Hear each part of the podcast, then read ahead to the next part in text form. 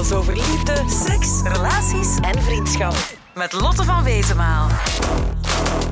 Zelfs is een paar maanden uit met mijn lief. En we waren toch anderhalf jaar samen. En ik weet eigenlijk niet zo hoe ik moet reageren, want alles doet mij aan haar denken.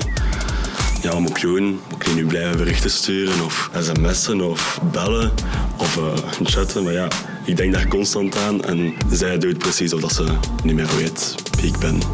Je misschien uh, een paar tips of zo, om dat ik me beter zou kunnen voelen of dat ik niet meer aan haar denk? Lotte van Wezenmaal. Gedumpt worden door je lief kan het vreselijkste gevoel ter wereld zijn. Een hele hoop emoties gieren door je lichaam. Verdriet, kwaadheid, jaloezie, teleurstelling, eenzaamheid, woede.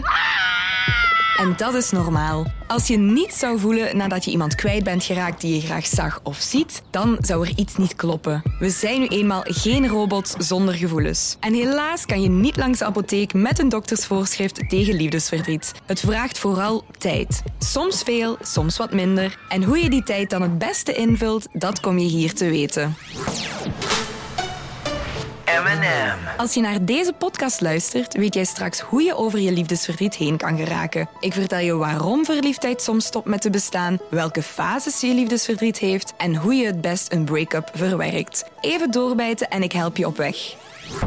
Als je twee schattige oudjes hand in hand ziet lopen over straat. Als je ziet dat je beste vriend of vriendin een glimlach tot achter zijn of haar oren krijgt bij het lezen van een berichtje van zijn of haar lief. Als je je ouders innig ziet knuffelen in de zetel, kan het zijn dat de moed je in je schoenen zakt. Want jij bent misschien net gedumpt en denkt misschien dat je nooit nog liefde zal vinden. Gedumpt worden door je lief is vaak een hel. Je verliest namelijk niet enkel je lief, maar ook een beetje van jezelf. Je stelt jezelf vragen als: waarom zag mijn lief me niet meer graag? Wat heb ik fout gedaan? Ben ik niet goed genoeg misschien? En het antwoord op die vragen is heel simpel. Je bent wel goed genoeg. Maar jammer genoeg is verliefdheid een raar beestje. Het ene moment kan je de wereld aan en leef je op een roze wolk, maar het andere moment is dat plots weg.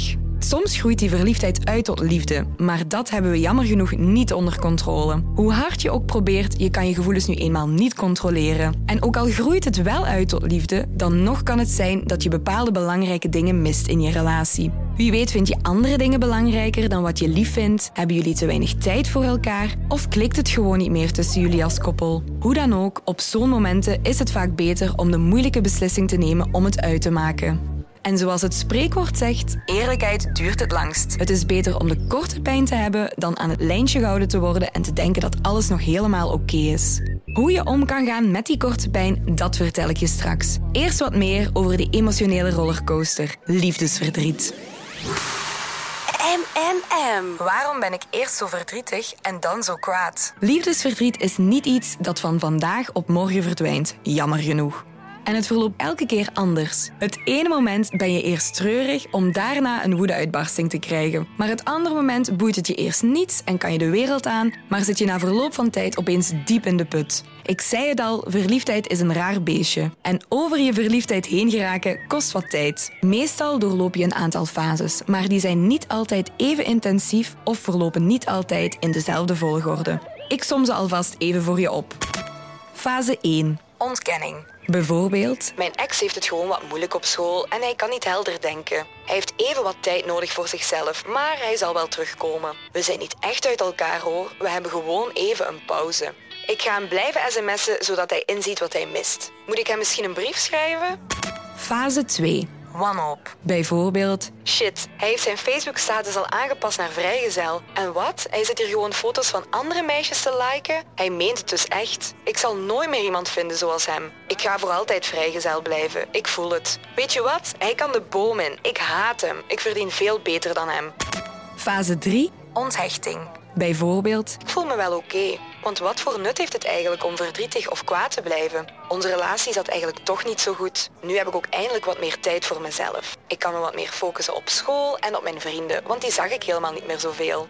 Ik neem hem ook niks kwalijk. We hebben een mooie tijd gehad en veel van elkaar geleerd. Je herkent misschien een aantal van deze fases en misschien zit je nu al midden in zo'n fase en heb je het gevoel er voor eeuwig in te blijven zitten. Maar geen paniek. Als je eenmaal door de zure appel heen bent, kom je er vaak sterker uit. Hoe je die appel te lijf gaat, dat vertel ik je nu. Waarom bestaat er geen medicijn tegen liefdesverdriet? Was het maar zo eenvoudig? Een afspraak maken bij de dokter, je verhaal rustig doen, een voorschrift krijgen, dan langs de apotheek gaan en één pilletje krijgen waardoor je liefdesverdriet meteen zou verdwijnen. Ook zonder die pil geraak jij over je liefdesverdriet heen. Ik help je alvast op weg. Zorg goed voor jezelf. Eet gezond, maar af en toe mag je je ook wel iets lekker gunnen. Wandel in de frisse buitenlucht en probeer ook voldoende te slapen. Neem afstand van je ex. Niet alleen letterlijk, maar probeer ook afstand te nemen van alle herinneringen die je aan hem of haar hebt. Zoek absoluut geen contact, wis het telefoonnummer, probeer ook plaatsen te vermijden waar jullie samen naartoe gingen, probeer niet naar de foto's te kijken die jullie samen hadden en luister ook niet naar zijn of haar favoriete muziek. Zoek voldoende afleiding. Ga eens sporten, luister naar leuke muziek, trek er eens op uit, doe leuke activiteiten met je vrienden of breng wat tijd door met je familie. Praat erover met personen die je vertrouwt. Lucht je hart bij een vriend, vriendin, bij je ouders, bij je broers of zussen en huil eens lekker uit. Je mag je echt wel verdrietig voelen. Schrijf je gevoelens van je af. Maak een gedicht, schrijf een brief of hou een dagboek bij. Want uit onderzoek is gebleken dat je gevoelens van je afschrijven helpt tegen liefdesverdriet. Bekijk je ex ook eens langs de andere kant. Wat waren zijn of haar minder mooie kantjes? Waarom lukte jullie relatie eigenlijk niet? En waren er misschien een aantal puntjes die je zelf ook miste? Heb je iets gevonden dat je wilt uitproberen? Gewoon doen. Maar onthoud vooral, blijf jezelf. Jij bent goed zoals je bent en je bent heus niet de enige die met liefdesverdriet te maken heeft. Als jij over je liefdesverdriet heen wilt geraken, onthoud dan de volgende dingen. Ten eerste, je bent goed zoals je bent. Er is helemaal niets mis met jou. Ten tweede, liefdesverdriet kost wat tijd. Die emotionele rollercoaster die je doormaakt is heel normaal. En ten derde, zorg goed voor jezelf, zoek afleiding en praat erover met mensen die je graag ziet. Merci, ik ga er proberen iets mee te doen. Hopelijk kom ik snel iemand nieuw tegen en kan ik terug mijn leven beginnen. Wil je meer weten over liefde, relaties, seks en vriendschap? Surf dan naar mnm.be en abonneer je op onze podcast. Ik wens je snel een nieuw lief toe.